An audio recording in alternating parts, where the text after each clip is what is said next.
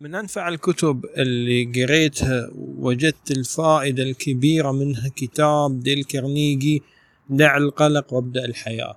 وجدت فيه الكثير من الأفكار والقصص اللي تخلي الواحد يعيد النظر في حياته ويتجاوز القلق ويتعامل مع الصعوبات والمواقف الكثيرة اللي يصاب فيها في حياته.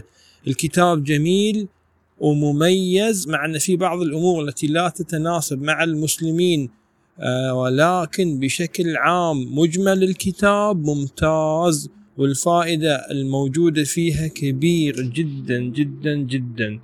والأعجب منه أن المؤلف قضى وقت طويل وهو يجمع هذه القصص ويعمل المقابلات حتى خرج هذا الكتاب بهذا الشكل والصورة القوية.